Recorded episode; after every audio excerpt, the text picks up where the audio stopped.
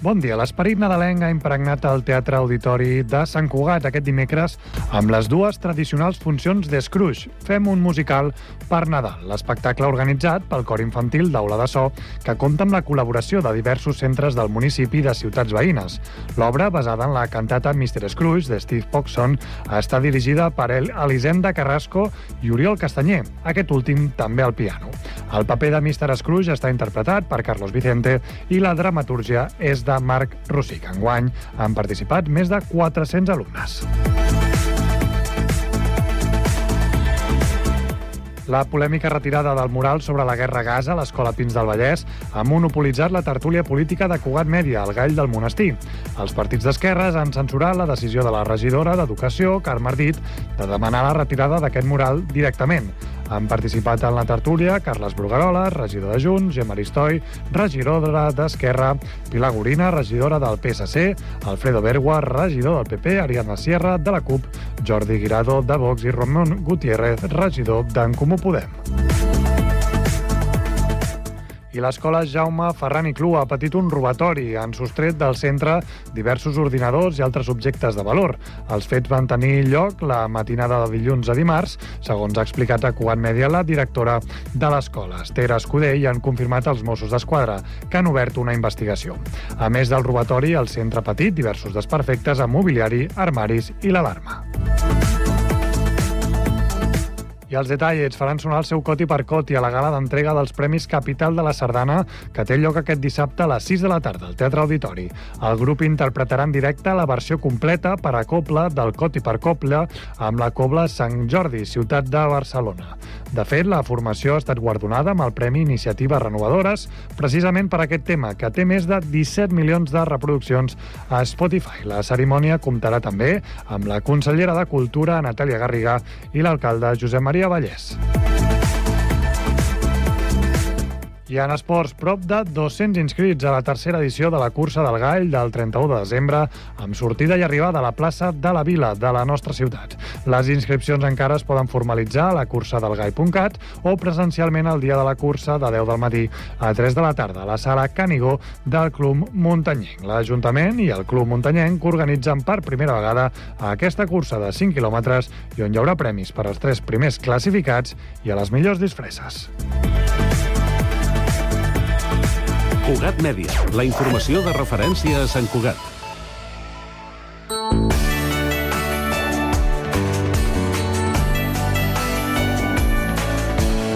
Ràdio Sant Cugat, Cugat Mèdia, 91.5 FM. Hora Sant Cugat, a Cugat Mèdia. Per tu, no sóc un dels teus amants, però creu l'Himalaya per tu i robaré 12 diamants, un per cada lluna plena per tu. Bon dia a tothom. Som el programa Per tu, del taller Jeroni de Moragues, i ens fa molta il·lusió portar-vos el nostre programa mensual aquí, a la ràdio de Sant Cugat. Tinc al meu costat el Marc, l'Helena, el Lalo, el Xavi i el Joan. I tots plegats us portem un programa ple de notícies rellevants i interessants que esperem que gaudiu tant com nosaltres hem gaudit preparant-lo. Comencem, doncs, amb la primera secció del programa, dedicada al propi Jeroni de Moragas. Endavant, Joan. El passat dissabte 25 de novembre va tenir lloc el concert de clams amb la col·laboració d'Arbores Amarillos. Aquest concert va ser l'esdeveniment que va tancar l'últim acte de celebració del 50è aniversari del taller Xeroni de Moragues i podem dir ben satisfets que va ser un èxit. Moltes persones es van apropar a la sala Siglo de Sant Cugat a gaudir d'aquest espectacle trepidant que ens van oferir les dues bandes de música. També volem fer especial menció a la setmana repleta d'esdeveniments va tenir lloc a Sant Cugat entre el 27 de novembre i el 3 de desembre, en honor al Dia Internacional de les Persones amb Discapacitat Intel·lectual. Alguns d'aquests esdeveniments van ser el torneig de futbol adaptat que va organitzar la penya blaugrana de Sant Cugat i que va tenir lloc al camp de Can Magí, on vam tenir el plaer de participar amb el nostre equip de futbol. També es va organitzar un torneig de bàsquet entre el taller Xeroni de Moragues i Grup Catalònia, al igual que diferents xerrades i jornades interessantíssimes. La setmana va acabar el mateix diumenge 3 de desembre, amb la Fira d'Entitats Socials de Sant Cugat a la plaça Octàvia i amb un fantàstic concert d'Àrboles Amarillos, una sessió de zumba i el show cooking en viu i la lectura del manifest. Recordar també que encara disposem de números de loteria pel proper 22 de desembre, així que no oblideu quedar-vos amb el vostre. Moltes gràcies, Joan.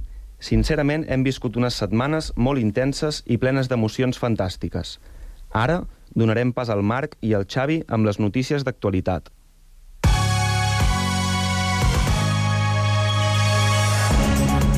El passat 3 de desembre, coincidint amb el Dia Internacional de la Discapacitat Intel·lectual, es va protagonitzar el Telenotícies Vespre més inclusiu de la història de TV3, a l'estar copresentat i coeditat per la Isabel, la Bea i el Christian, tres persones amb discapacitat intel·lectual. Durant el Telenotícies es va esmentar algunes de les preocupacions i demandes més importants, com la de tenir més participació política i la llarga llista d'espera per poder accedir a l'habitatge. Des d'aquí volem compartir la nostra felicitat i il·lusió davant d'aquest esdeveniment històric i animem a tothom a continuar treballant en la mateixa direcció. Per l'altra banda, també volem explicar que la Sagrada Família està de celebració i és que el passat 12 de novembre va poder celebrar la seva tradició encesa de llum. Aquesta vegada es van encendre per fi les quatre torres que coronen l'edifici. Aquestes torres ja il·luminen el cel cada dia des de les 6 de la tarda a les 10 de, de la nit. Fins passades les festes de Nadal cal anunciar també que si no hi ha cap contratemps la obra magna d'Antoni Gaudí estarà totalment acabada al 2034.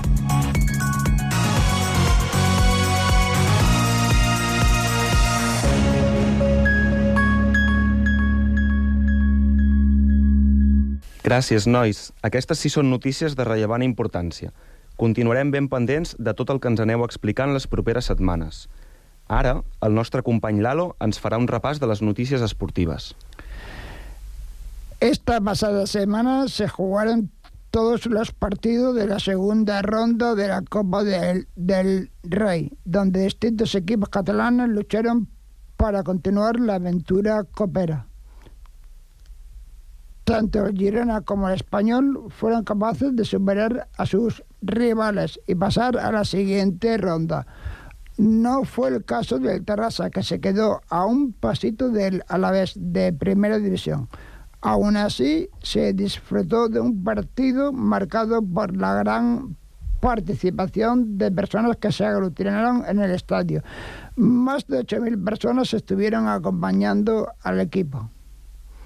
En lo que refiere al tenis, el pasado domingo 26 de noviembre se disputó la final de la Copa Davis 2023, que enfrentó a los equipos nacionales de Australia e Italia, donde Italia se proclamó digno y merecido campeón 47 años después de desde la última vez que levantaron el trofeo, al imponerse con solvencia al equipo australiano. Gràcies, Lalo. Certament han estat esdeveniments molt interessants. Per acabar, el Joan i l'Helena ens faran unes recomanacions cultural per a tenir present aquests propers dies de Nadal. Doncs sí, David, aprofitant aquestes festes que estan a punt d'arribar, us volem recomanar un espectacle de màgia que estarà present fins al 28 de gener al Teatre Victòria de Barcelona. Antonio Díaz, el Mago Pop, torna a Barcelona després de presentar el seu show a la capital mundial del teatre Nova York, on ha deixat a tot el públic bocabadat. La passada nit del 16 de novembre va tenir lloc a Sevilla la, la 20 i quatrena edició de la gala dels Premis Grammy Llatins. Sevilla va acollir per primera vegada a la història una gala que sempre abans havia tingut lloc als Estats Units. Entre els artistes més guard, guardonats podem trobar el productor Bizarrap i a la cantant Shakira, que tots dos junts van guanyar el premi a millor cançó pop i cançó de l'any. Una altra cançó molt famosa de Shakira és Acróstico, que encara que no fos la guanyadora, a nosaltres ens encanta. Endavant amb la cançó.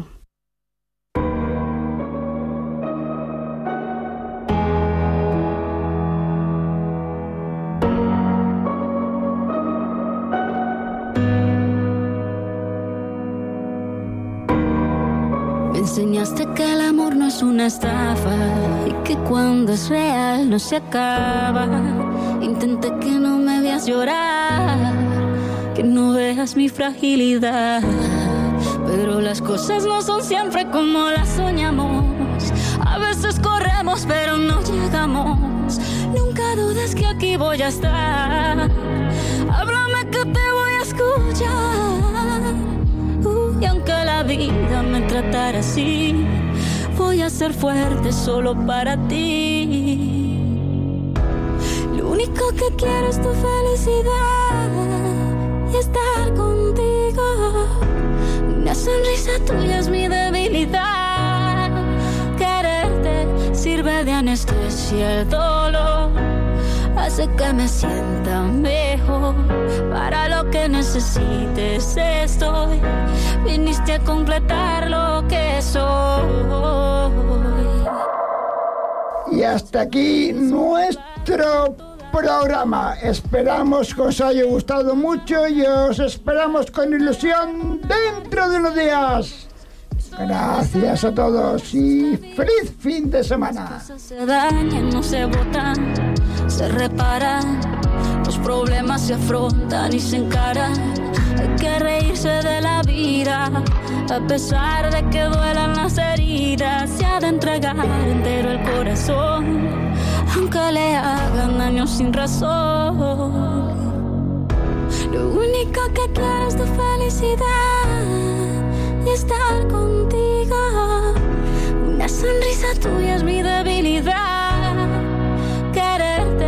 Sirve de anestesia el dolor.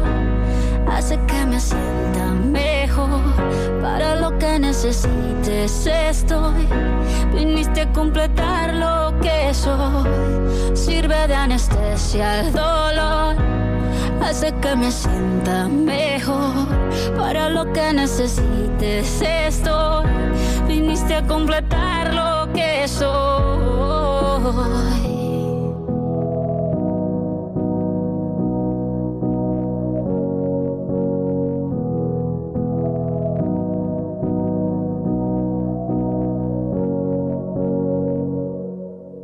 Hora Sant Cugat, a Cugat Mèdia.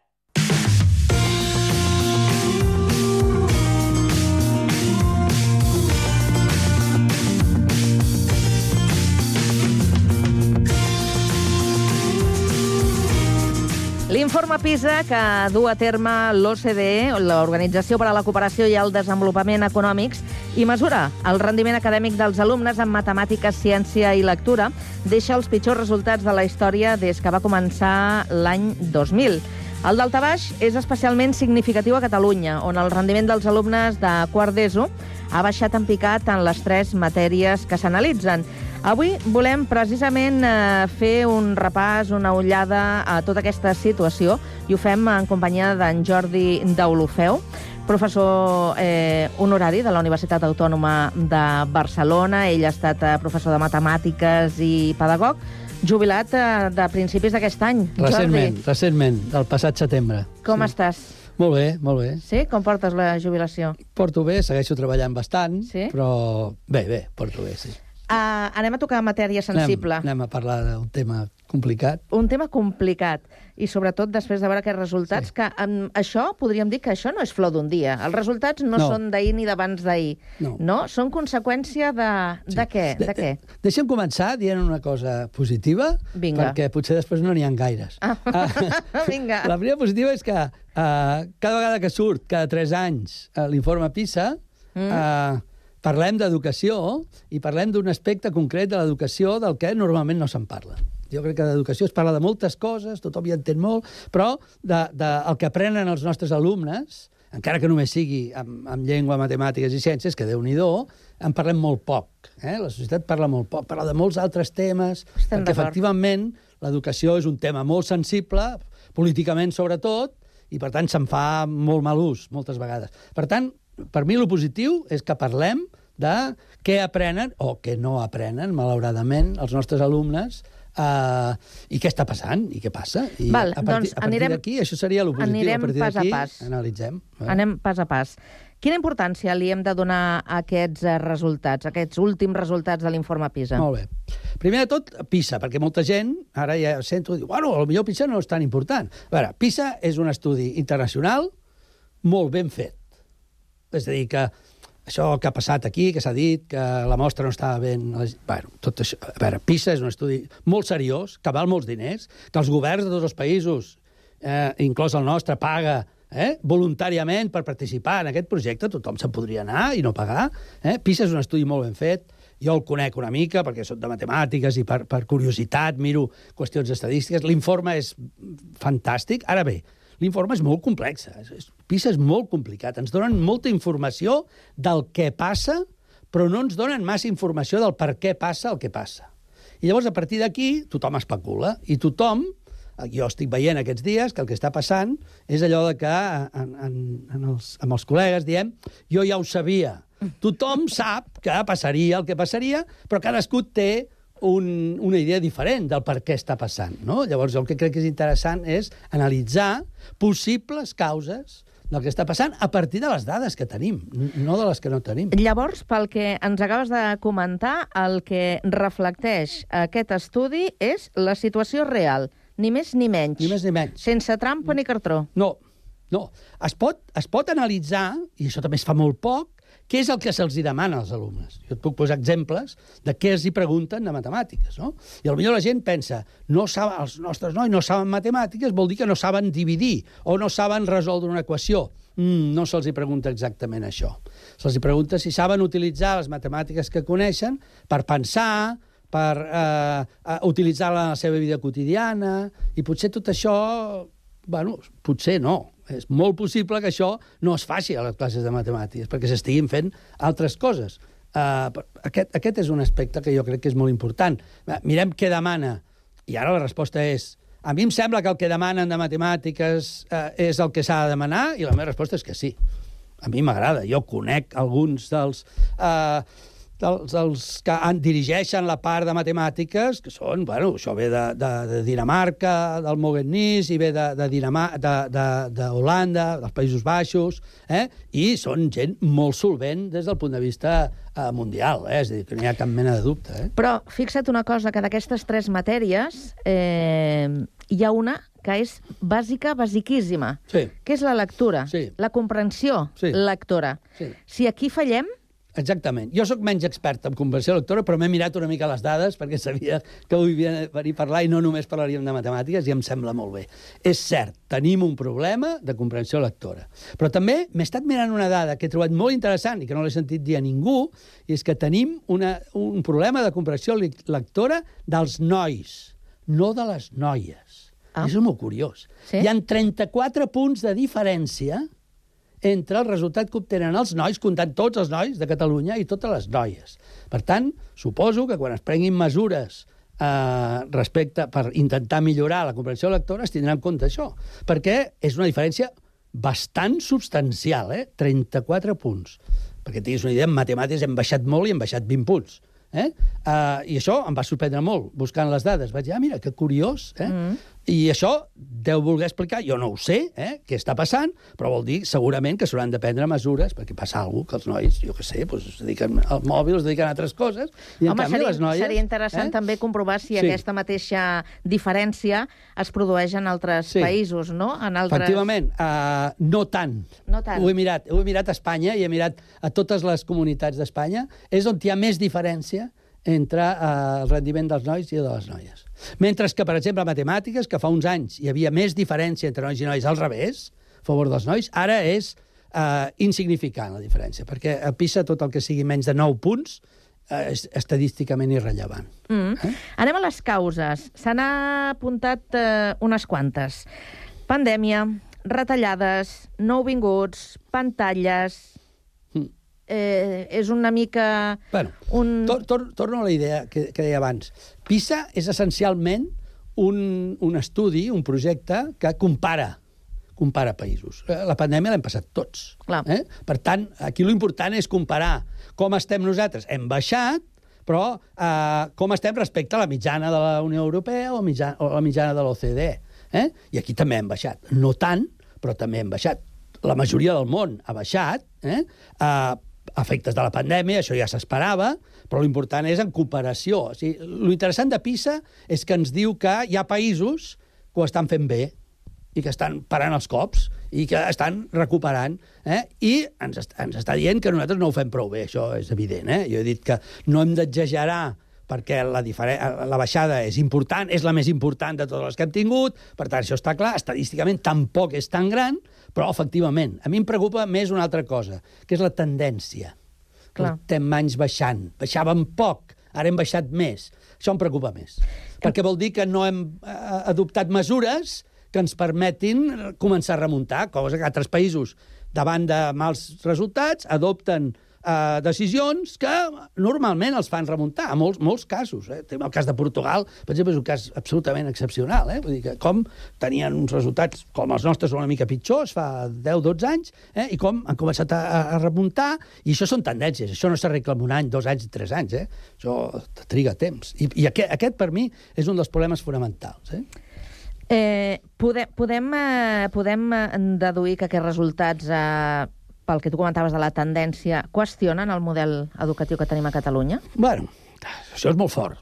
Estem avaluant uns, uns aprenentatges eh, i eh, ens qüestionen eh, com ho estem fent en aquests aprenentatges i el que s'ha de fer, i el que, bueno, que s'ha de fer, el que les nostres autoritats ja faran, eh, els nostres governants, si ho fan bé, és analitzar molt bé, amb molt detall, eh, aquestes, eh, el, les correlacions. PISA dona moltes dades i et diu aquests resultats amb què correlacionen. Eh? Per exemple, sabem eh, que hi ha un problema de segregació, eh? i això ho sabem, eh? I, i això ho marquen aquests resultats. Per tant, o ataquem aquest problema eh? o eh, no millorarem els resultats. Uh, jo sempre dic, uh, en temes com aquests, el cafè per a tots no serveix. És a dir, anem a fer, vinga, va, anem a fer millor així en general. No, no, no. no. Per mi s'ha de fer eh? uh, cirurgia, vull dir, mirar exactament on es necessita, on es necessiten els canvis, eh? I és l'exemple que et deia abans de, de la lectura dels nois i les noies. Vull dir, eh, aquí, si, si fem, intentem millorar tots, bueno, potser millorarem una mica. Si som capaços de fer, en aquest cas concret, algun tipus d'esforç de, de, i de, de, de treball per millorar el, la lectura dels nois, això serà molt més fàcil, perquè si estàs molt avall és relativament més fàcil pujar. Eh? Deixa'm que introdueixi un concepte que és el de la cultura de l'esforç. Eh, hem desterrat això una mica també de, de l'educació? Els hi hem posat com moltes facilitats... Aquest és un altre dels temes molt recurrent. Uh, no hi ha cap evidència, no hi ha cap gran recerca que digui que, uh, uh, que uh, fent esforçar més els nois aprenen més. Uh, les persones aprenem quan volem aprendre. Uh, I quan les emocions per aprendre són positives. Eh? I quan, per tant, quan el sistema, l'escola i els professors aconseguim entre tots que els nostres alumnes vulguin aprendre. És cert que l'aprenentatge no és sempre divertit, alegre, passar-s'ho bé, i que hi ha aspectes de l'aprenentatge que costa esforç, però, però la responsa per mi la responsabilitat no és, a mi, dels nostres alumnes. A mi em preocupa molt veure com eh, molta gent eh, s'espolsa la responsabilitat i diu la responsabilitat és compartida per tots. Eh? Societat, eh, La societat, escola... els que ens dediquem... A veure, jo el primer, eh? jo he, he estat molts anys el director del màster de formació del professorat de secundària de matemàtiques i, bueno, vam, vam fer un esforç per passar del cap al màster, que jo crec que va ser una cosa positiva, però després eh, es pot fer millor, eh, hi ha molts temes a millorar i, i, per tant, evidentment, tots tenim una part de responsabilitat. Eh, és cert que vivim en una societat a mi em preocupa més que el de l'esforç, per exemple, la immediatesa de la nostra societat, la rapidesa amb què eh, els nostres nois i noies salten d'una cosa a l'altra. Això no deixa temps. O sigui, L'ús del temps a l'escola. Bueno, i Ah, l'atenció. I l'atenció, efectivament. Mm. Però en matemàtiques s'ha de tenir temps per pensar. No, no és només fer, fer, fer, vinga, ara passo una altra cosa. Eh? Si, això, si una cosa, si una explicació dura més d'un minut, ja, ja no l'aguanten, ja estan despistats. Però això, això és molt complicat, perquè això és la societat en la que vivim. I si no fem píldores molt petites, eh, això, això a mi em preocupa molt. Em preocupen més aquests, aquests aspectes que el de la cultura de l'esforç. També, eh? És a dir, no tot... Eh, hi, ha, hi, ha, hi ha vegades que si no ens esforcem... I el tema de no la tecnologia, sortim, que eh? també vindria a... I el, a... I el tema de tecnologia és un altre. Eh, fixa't la, la dificultat que tenim per saber com, i les grans discussions amb el tema del mòbil a l'escola, i per saber com ho hem de fer, eh? Uh, és una cosa que ens ha vingut nova, sabem que té efectes molt positius i efectes no, no gaire positius, i uh, ens costa molt, estem encara discutint si s'ha de prohibir a l'escola, unes escoles prohibeixen, les altres ho fomenten, unes, unes no deixen portar el mòbil a l'escola, eh? Uh, Aquí, en aquest tema concret, jo crec que sí que falta una mica de, de, de, de planificació, de presa d'acords conjunts. Jo estic molt d'acord amb els professors quan diuen una de les coses que ens despista és els canvis, els canvis sobtats. Encara no tenim temps. De, de, hem fet un canvi de currículum, l'estem aprenent, ens estem formant, hem canviat coses molt importants i, pum, ja ens ho tornen a canviar. I eh, això jo m'atreveixo a dir, no, tinc, no en tinc dades, però m'atreveixo a dir que això és un dels problemes que tenim. És dir, canviem massa ràpidament eh, normatives, formes de treballar, etc. Eh, quan el, el professorat i, i la societat en general encara no... Eh, la societat encara, per mi, encara no entén molt bé què vol dir aquest canvi en matemàtiques, de passar de fer tècniques, eh, operacions, això, a passar a, a el que se'n diuen competències, que en el fons no vol dir res més que aprendre a resoldre problemes, pensar, raonar... Tothom accepta que és molt més important pensar i raonar que fer divisions amb dues xifres. Però, bueno, i això com es fa? Això és molt complicat de fer. Mm. Jordi, no, no... ja sé que no tens la vareta màgica, però quan penses en possibles solucions, cap a on apuntes? Uh, per mi hi ha un primer punt, uh, aquest que et deia ara, de uh, no canvis sub, tan sobtats, una línia molt més coherent i molt més clara, una. Uh, dos, uh, una formació al professorat molt generalitzada, hi ha molt bona formació al professorat, però per uns pocs, per aquells que la volen fer. Jo faig formació i conec formacions, són formacions excel·lents. N'hi van, hi van molt poca gent dintre del conjunt de tot el professorat. Per tant, una formació del professorat molt més forta i una inversió en els llocs on cal. Eh? Ja ho deia abans, temes, temes de segregació, eh? temes d'equitat. Aquí tenim un dèficit perquè, eh, bueno, doncs perquè no ho fem prou bé, jo crec, eh? Mm -hmm.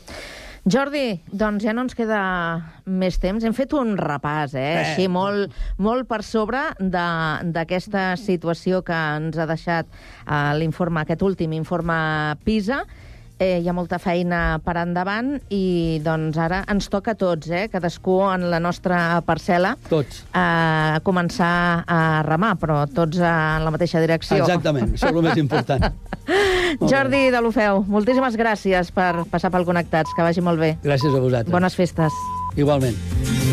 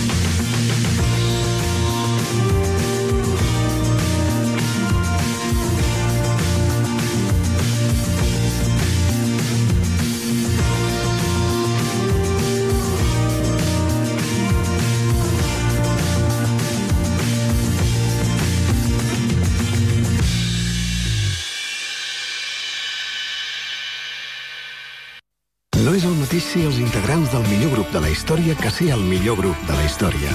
Per això, el grup català Occident serem Occident, perquè per continuar assegurant-ho tot, tot i tot, ens havíem d'ajuntar tots, tots i tots. Entra a seremoccident.cat. Cotxe de carreres, un patinet, un metge de cadells, una pilota de bàsquet, una videoconsola. Aquestes festes ens demanem moltes coses. Les nenes i els nens de Nepal només se'n demanen una. L'atenció que necessiten. Col·labora amb la Fundació Vicente Ferrer. Truca al 900 111 300 i descobreix l'extraordinari poder de cuidar. Gaudeix de la música amb nosaltres. Música a Ràdio Sant Cugat. So tell me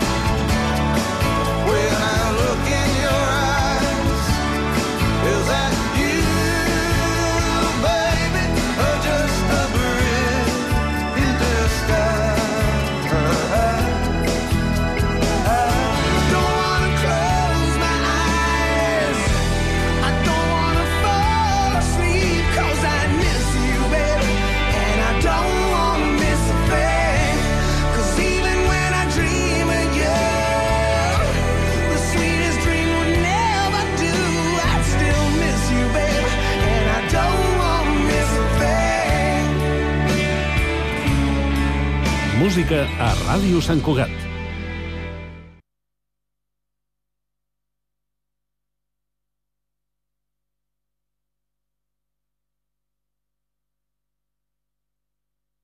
Hora Sant Cugat, a Cugat Mèdia.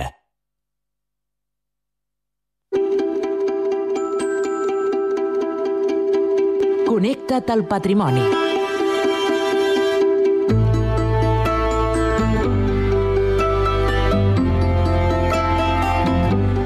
Perquè la gastronomia també és patrimoni dins la programació d'activitats Nadal als museus de Sant Cugat eh, té prevista una de molt especial.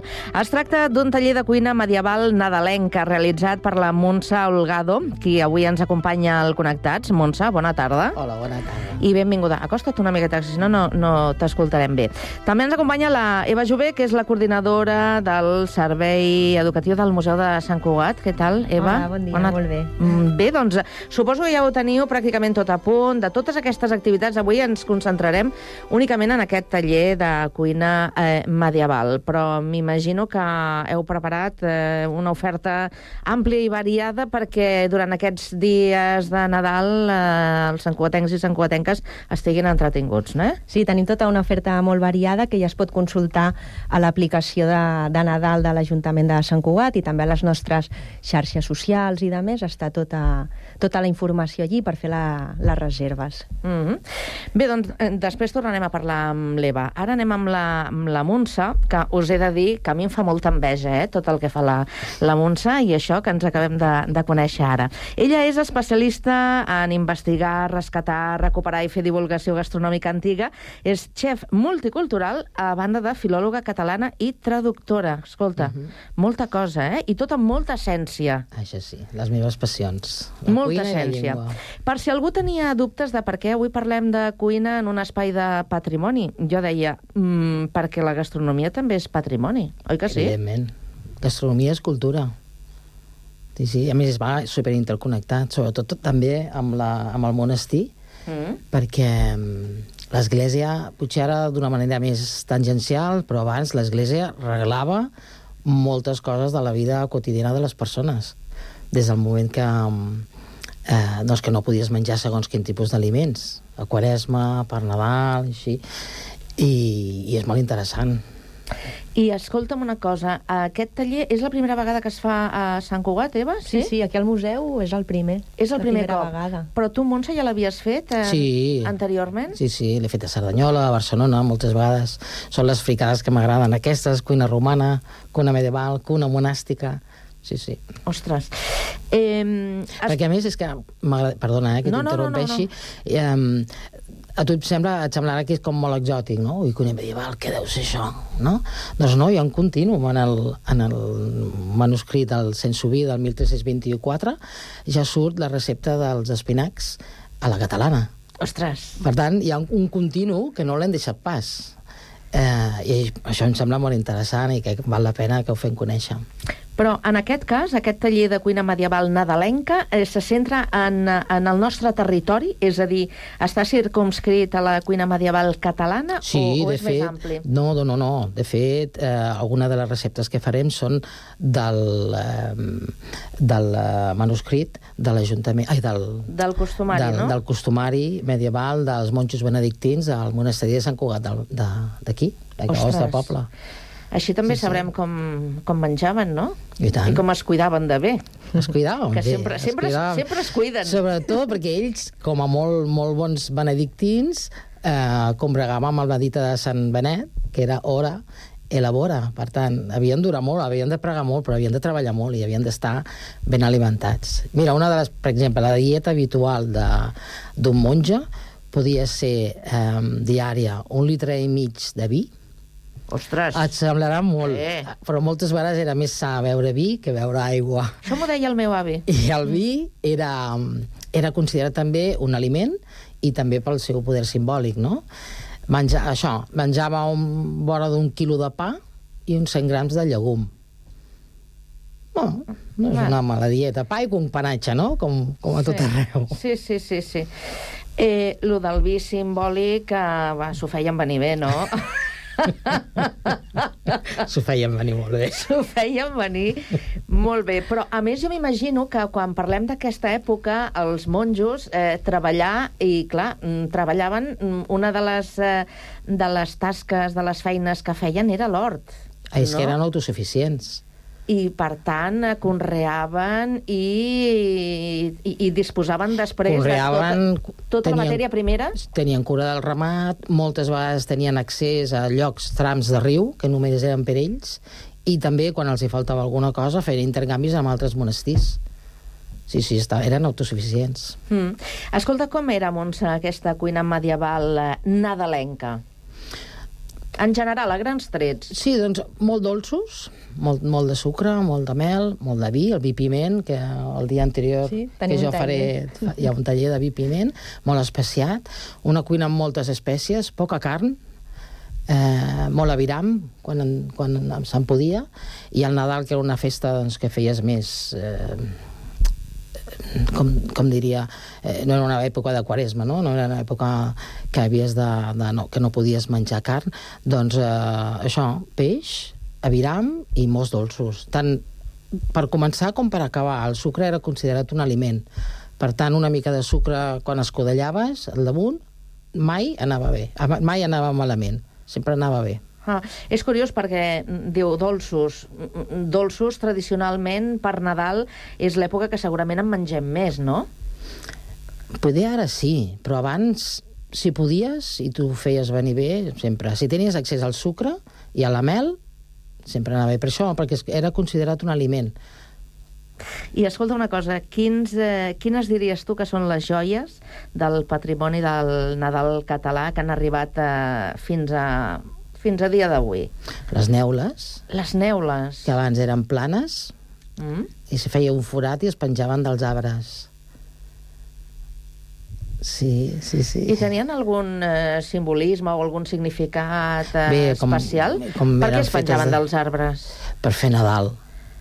Per fer Sí, com a Nadal. decoració? Mm, sí, sí. I el vi piment, sobretot. Un vi especial que es menjava, es bevia calent i confortava el cos. I l'esperit, també.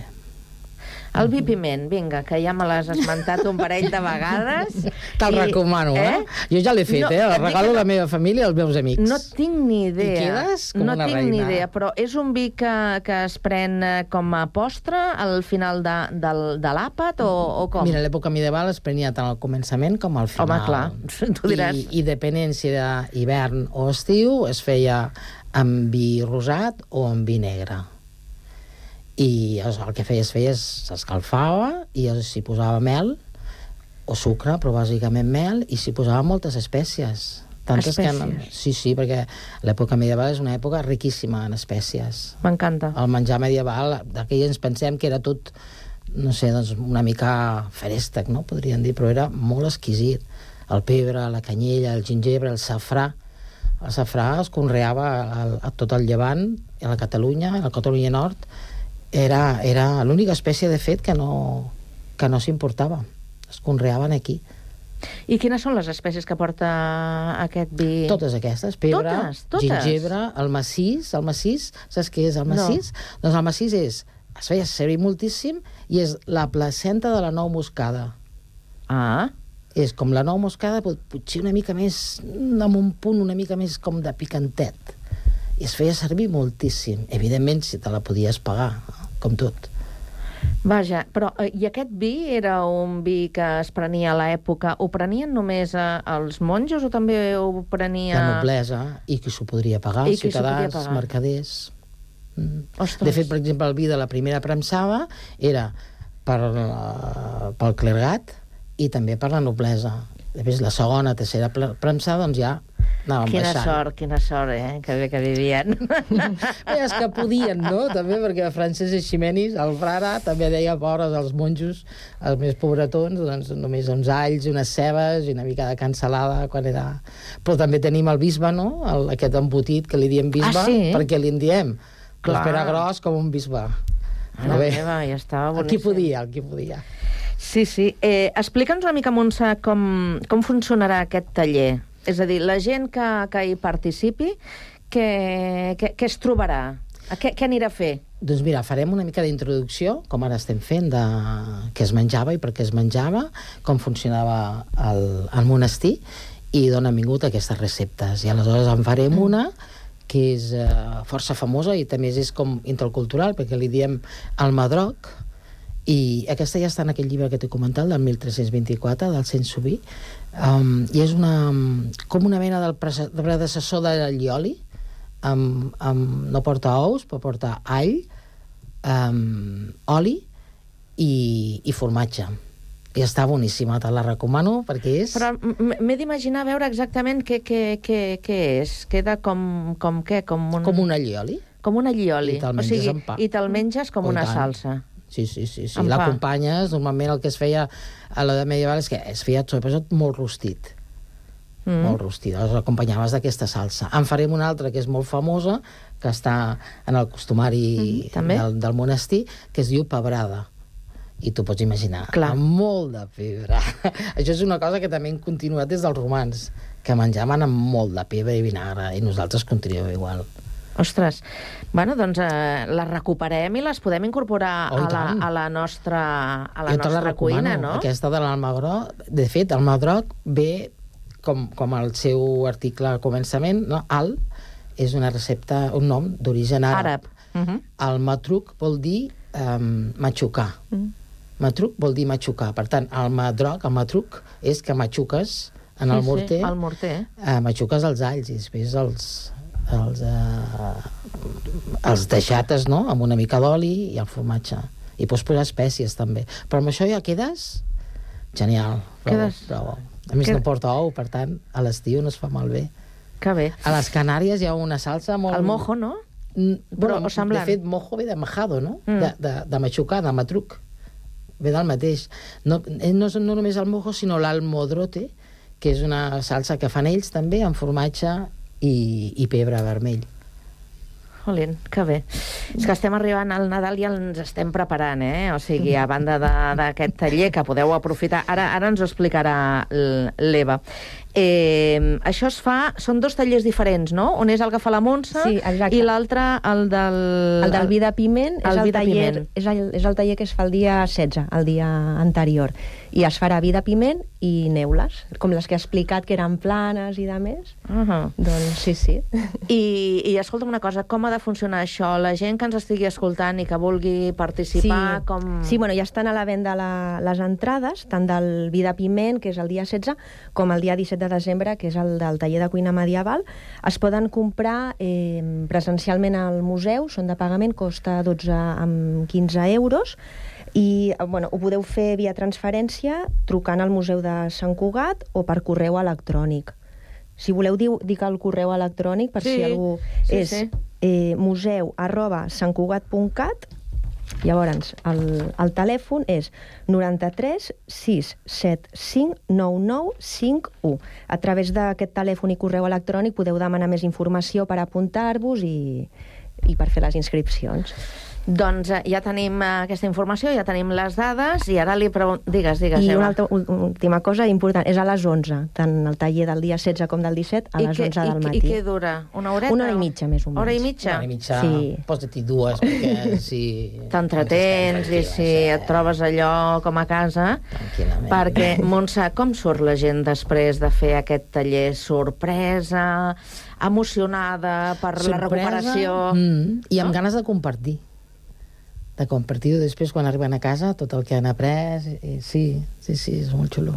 O sigui que és més que recomanable. Molt, us ho aconsello. Afanyeu-vos per comprar l'entrada. Vinga, feu-vos un regal. Perquè a més en farem després una altra de dolç. Farem aquestes dues salses que són eh, salades i en farem també uns bunyols de cigrons. Bunyols de cigrons. Que són boníssims, boníssims. Bueno, que vindrien a ser com uns falafels. No, no, no, al contrari, són dolços, són bunyols. Ah, és són bunyols. textura bunyol. Bueno, però els I bunyols gust, de bacallà bunyol. també són salats. Per això Sí, però aquests dir... són dolços. Ah, mira que bé. No, no t'ho esperes, són molt bons. No, no amb, un pa amb un parell de sopat. Montse, doncs escolta, ens ha agradat eh, molt eh, fer aquest eh, viatge una mica al patrimoni gastronòmic de, del nostre país i està molt bé que es facin eh, activitats i, I iniciatives com aquestes, no? Per no oblidar d'on d'on venim i com es, com es sí, sí. cuidaven. Gràcies per acollir-nos. Eh, res, jo crec que et convidaré un altre dia per continuar parlant de- d'aquestes qüestions eh, culinàries més cap aquí, més, més contemporànies. Vulguis, com vulguis. Montse, Eva, moltíssimes gràcies. Que tingueu bones festes. Moltes gràcies a Bona vosaltres. tarda. Bon Nadal. Ja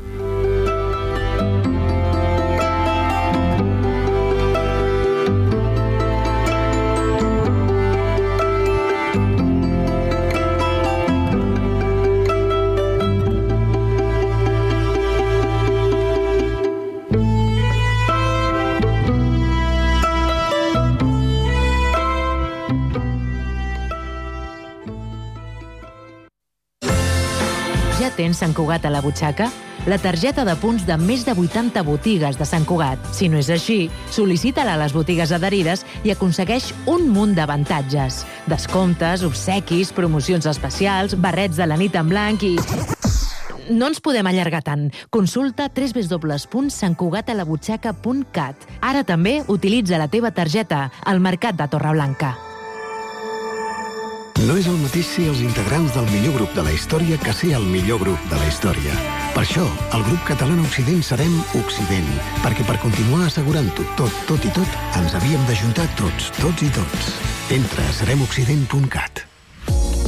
Cugat Mèdia ofereix un servei per rebre l'actualitat més destacada de Sant Cugat a través del WhatsApp. Què rebràs? Les notícies més importants, els avisos d'última hora o les incidències de la teva ciutat. La informació més propera al teu mòbil. Com et pots subscriure al canal de WhatsApp? Envia un missatge de WhatsApp que digui alta al 673 172 075 i segueix les instruccions de subscripció. L'actualitat més propera al 673 172 075.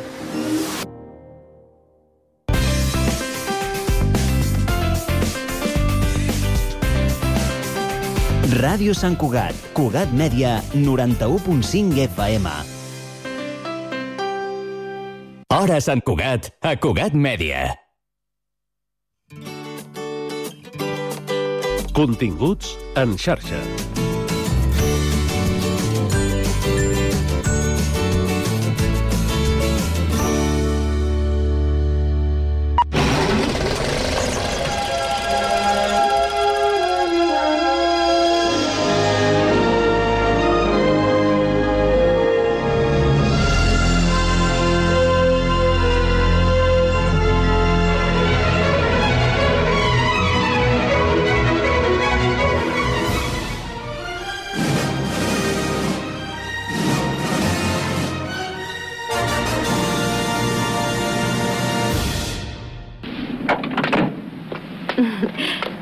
Vivo aquí, con mi madre.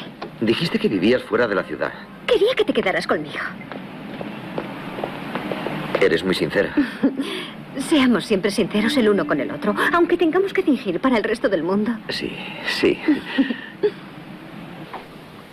es que no solo es maravillosa, Basil. Tiene talento, además. Pues es una suerte. Deberías verla actuar. Me encantará verla. Siempre me ha gustado el striptease. ¿Por qué no escuchas cuando hablo? Has dicho que es una gran actriz trágica. ¿Se desnuda para ti? No hables así de ella. Dorian, eres increíble. El tipo de educación que has recibido te ha convertido en el hombre más inocente del mundo. Pero te aseguro que Sibyl es única. Es fantástica. Es divina. Quiero que la conozcas. Será una chica encantadora. Me alegro por los dos. No consigo la boca. Estate quieto y mírame. Creo que será mejor dejarlo por hoy. Hola, amics. Això és Cinema a la xarxa i qui us parla és en Víctor Alexandra. Aquest diàleg que hem escoltat pertany a la pel·lícula El retrat de Dorian Gray, que va protagonitzar Helmut Berger l'any 1970. I és que serà justament Helmut Berger el protagonista del programa d'avui amb motiu de la seva mort ara fa només uns mesos, concretament el 18 de maig passat a l'edat de 78 anys. De fet, eh, sobta una mica que, que la mort d'un actor que va ser tan famós entre els anys 60 i 70 hagi passat tan desapercebuda i amb tan poc ressò. Eh, és ben cert que Helmut Berger no va ser mai cap gran actor, ans al contrari, era, molt, era un home molt limitat. Tenia bellesa física, però poc talent interpretatiu, fins al punt que sense Luchino Visconti, que se'n va enamorar, difícilment hauria fet carrera cinematogràfica.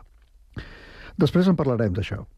El retrat de Dorian Gray no era un film de Visconti, era una producció menor, més aviat discreta, que li va arribar a Helmut Berger quan ja havia fet un parell de coses amb Visconti i la seva carrera semblava que prometia. Eh, recordo que la publicitat de l'època remarcava que Berger estava considerat l'home més atractiu del món, cosa que anava molt bé per a un tema com el de Dorian Gray, creat per Oscar Wilde, de, de l'home que pacta amb el diable per mantenir-se jove, mentre el seu rostre pintat en un quadre envelleix.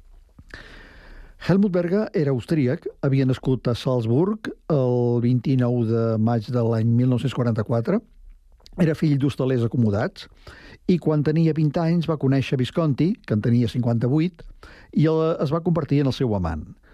Això va ser una sort per a ell perquè volia ser actor i Visconti li va permetre entrar per la porta gran. Primer amb Les Bruixes, un film d'esquetx realitzats per diferents directors. El de Visconti es deia La bruixa cremada viva, i Helmut Berger apareixia al costat de Silvana Mangano, Annie Girardot i Paco Raval. Després va rodar un film intranscendent i tot seguit Suposem que una nit sopant, de Giuseppe Patroni Griffi, sobre un escriptor que observa com una nit, tot sopant, la seva dona intenta seduir el seu millor amic. Eh, val a dir que Berga tenia aquí un paper secundari. Els protagonistes reals eren Jean-Louis Trintanyan, Florinda Volcan i Toni Musante.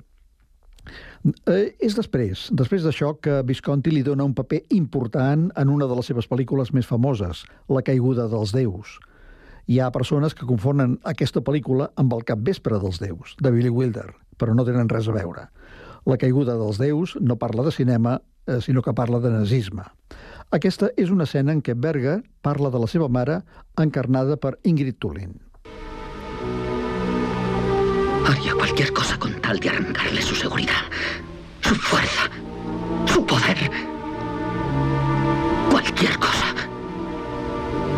Siempre me ha tenido a un lado. Siempre ha tratado de humillarme.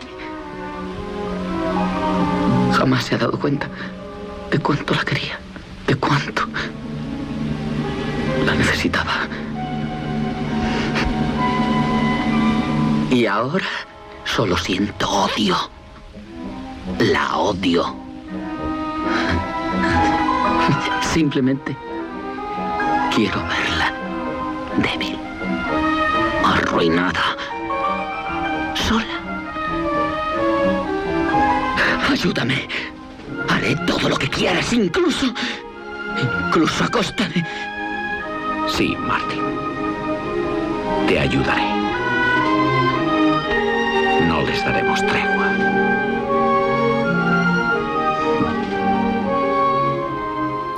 Helmut Berger en una escena de la caiguda dels déus de Luchino Visconti, una pel·lícula del 1969 per la qual Visconti va estar nominat a l'Oscar al millor guió original. Eh, en el terreny personal, Helmut Berger va dir sempre que era bisexual i tant ell com Miguel Bosé han explicat que van tenir una relació sentimental. Però va ser a Itàlia, a Perusa concretament, on Visconti i Berger van coincidir. La trobada, que va ser casual, va coincidir amb l'etapa en què Visconti estava molt dolgut perquè Alain Delon l'havia deixat. I Visconti, en veure Berga per primer cop, va quedar-ne captivat. Tant que li va proposar de fer una pel·lícula amb ell. En aquella època Visconti tenia el projecte de portar a la pantalla la novel·la Les tribulacions del jove Terles de l'escriptor austríac Robert Musil i li va oferir de ser-ne el protagonista, però Berger no tenia ni idea d'actuar i va dir que no. De fet, Visconti no va rodar mai aquesta pel·lícula, El jove Turles, i qui ho va fer va ser el director alemany Volker Slendorf. Però Visconti mm, estava tan encaterinat de, de Helmut Berger que no es va rendir i li va escriure una carta dient-li que li oferia una cosa que no podia oferir-li ningú en aquest món, que era un futur. Aleshores, Berger va cedir i va ser parella eh, fins que Visconti van ser parella tots dos, fins que Visconti va morir 12 anys després. Més endavant, eh, Berga es va casar amb una actriu italiana de segona fila, Francesca Guidato, que només va rodar dues pel·lícules i totes dues de Piticuixa. Escoltem ara una escena d'una altra pel·lícula que Helmut Berga va fer amb Visconti. Aquí va actuar al costat de Burt Lancaster i Silvana Mangano. Confidències. La primera vez que entré en una casa de aquellas. Maravillosa, es cierto. Y me metí en la cama del ama de la casa. Que no era tan guapa como tú, pero que a mí me parecía estupenda. Tenía un nudo en la garganta y las lágrimas en los ojos. Era cuando yo quería.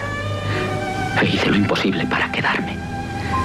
Mis métodos, de los cuales te avergüenzas tanto, los aprendí allí. Son los mismos que se emplean en tu mundo. Solo los nombres son diferentes porque las apuestas son más altas. Son nombres altisonantes que tú pronuncias con gran respeto. En vez de vomitarlos. Tú crees que andas entre caballeros. Ignoras que muy a menudo son criminales. Eres un pobre diablo. El día que la señora Brumonti vino a verme, a pedirme que le alquilara el piso, Sentía miedo a la proximidad de gente desconocida que podía molestarme. Pero ha sido mucho peor de cuanto podía imaginarme. Si han existido inquilinos inaguantables, me han tocado a mí. Pero después llegué a pensar, como decía Lieta, podía haber sido mi familia. Confidències, una pel·lícula que Visconti va rodar quan ja estava força malalt i en la qual, a més del trio protagonista, Burt Lancaster, Silvana Mangano i Helmut Berger, també hi apareixien fugaçment Clàudia Cardinale i Dominic Sanda. Tot i la malaltia, Confidències no va ser l'última pel·lícula de Visconti. Encara va rodar L'innocent, molt més malalt i des d'una cadira de rodes però aquí no hi va haver cap paper per, per, per ell, per Helmut Berger. Berger sempre va dir que mm, ser tan atractiu l'havia perjudicat molt més que no pas beneficiat, perquè tothom se'n volia anar al llit amb ell.